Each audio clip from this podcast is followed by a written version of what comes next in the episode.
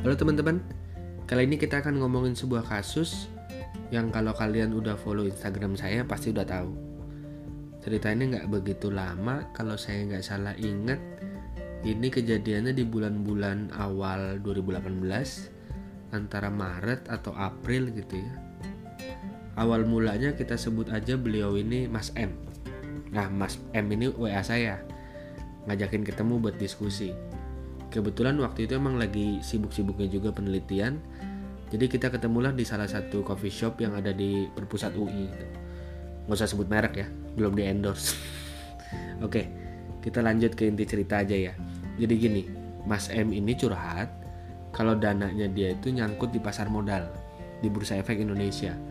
Padahal ini adalah uang yang rencananya bakal dipakai untuk nikahan 2 tahun lagi yang berarti itu tahun ini gitu ya di 2020 nah saking parahnya beliau cerita kalau dia itu jadi susah tidur dan jadi suka ribut sama pacarnya dengan alasan-alasan yang nggak jelas. Nah setelah digali-gali saya dengerin ceritanya saya bisa paham di mana masalahnya Mas M ini.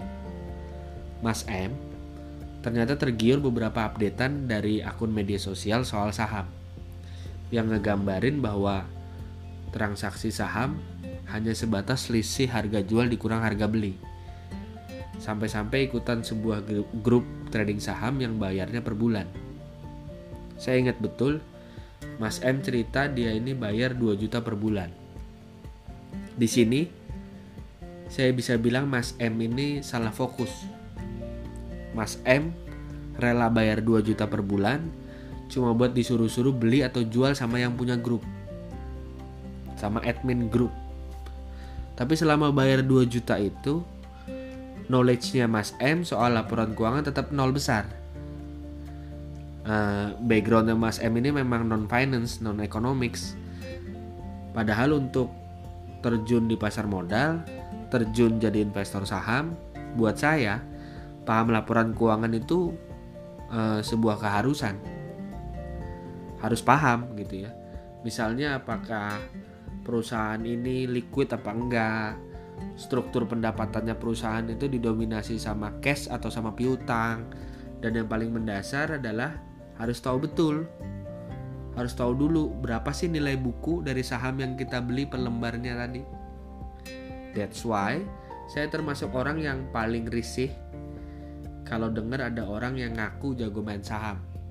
Main saham dalam tanda kutip tuh ya mainnya tuh di tanda kutip di bold tanda kutip. Apalagi kalau sampai ngajak-ngajak orang. Logiknya sih sesederhana begini kalau emang you beneran jago trading gitu ya tahu persis kapan harga saham ini naik kapan harga saham ini turun terus juga tahu naiknya berapa turunnya akan berapa gitu ya. Kalau saya sih nggak bakalan sempet buat buka grup trading saya trading sendiri. Gitu ya paham ya? Nah saya termasuk yang pegang pedoman bahwa kalau kita invest itu harus bisa ngasih kita peace of mind. Harus bisa ngasih kita rasa tenang rasa aman. Karena begini ngapain sih kita ngambil sebuah keputusan ngambil sebuah tindakan kalau kitanya sendiri nggak tenang kitanya sendiri nggak ngerasa aman. Buat saya berarti ada yang salah sama keputusan tadi. Kalau sampai kita sendiri nggak percaya sama keputusan tersebut. Ya ragu-ragu sedikit mungkin wajar gitu ya. Tapi kalau udah merasa nggak aman sudah merasa insecure sampai susah tidur gitu ya ini pasti ada yang salah sama keputusan tadi. Masalahnya adalah kesalahan utama kita gitu ya. Yang umum banget adalah kita itu maunya cepat kaya. Maunya instan. Ditambah dengan cerita-cerita sukses yang berseliweran di mana-mana yang entah betulan atau di karang-karang gitu ya. Tapi sejauh yang saya tahu sih belum pernah ada orang yang masuk jajaran orang terkaya entah di dunia atau di Indonesia yang kerjanya main judi di bursa efek. Nggak ada. Kita sebut nama aja ya. Warren Buffett misalnya atau di Indonesia yang gerak di finance and investment Sandiaga Uno dengan saratoganya gitu misalnya ya. Setahu saya mereka-mereka itu bukan tukang main judi di bursa efek. Paham ya? Nah jadi waktu itu saran saya yang paling utama buat Mas M adalah buat berhenti ikutan grup-grup trading gak jelas. Fokus aja sama ningkatin financial skills kayak baca laporan keuangan. Beli deh buku-buku corporate finance dibaca. Jangan malah baca buku-buku trading yang ujungnya jualan member grup trading lagi gitu. Karena saya percaya bahwa saham adalah instrumen investasi jangka panjang. Jadi yang paling penting menurut saya adalah fundamentalnya sebetulnya. Harga saham boleh aja naik turun gitu, boleh jadi naik turun tiap hitungan detik. Tapi selama fundamentalnya dia baik-baik aja, ya harusnya kita tenang-tenang aja. Uh, peace of mind tadi gitu. Kemudian ini kan tujuannya buat nikahan gitu ya buat resepsi jelas saham tadi kan saya udah bilang bukan buat jangka pendek. Risiko fluktuasi harganya tinggi sekali.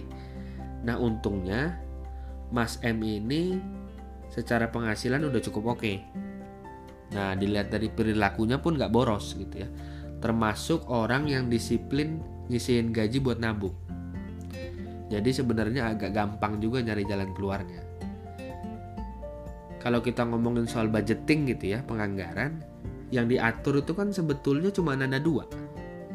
Sisi pemasukan sama sisi pengeluaran. Kalau butuh dana pengeluaran yang gede maka uang masuknya harus digedein. Kalau pemasukannya kecil nggak bisa ditambahin lagi gitu ya. Berarti ya pengeluarannya yang harus dikecilin. Nah ini berlaku juga sebenarnya buat setiap level finance. Kita ngomongin public finance gitu ya level negara nggak mungkin kita mau bangun infrastruktur gitu ya misalnya. Kalau ternyata pemasukan dari pajak dan sumber pembiayaan lainnya nggak cukup. Corporate finance juga sama. Personal finance yang levelnya pribadi juga gitu. Nah makanya ketika itu yang perlu kita clearin adalah emang butuh dananya itu berapa sih? Gitu. Gunanya buat apa?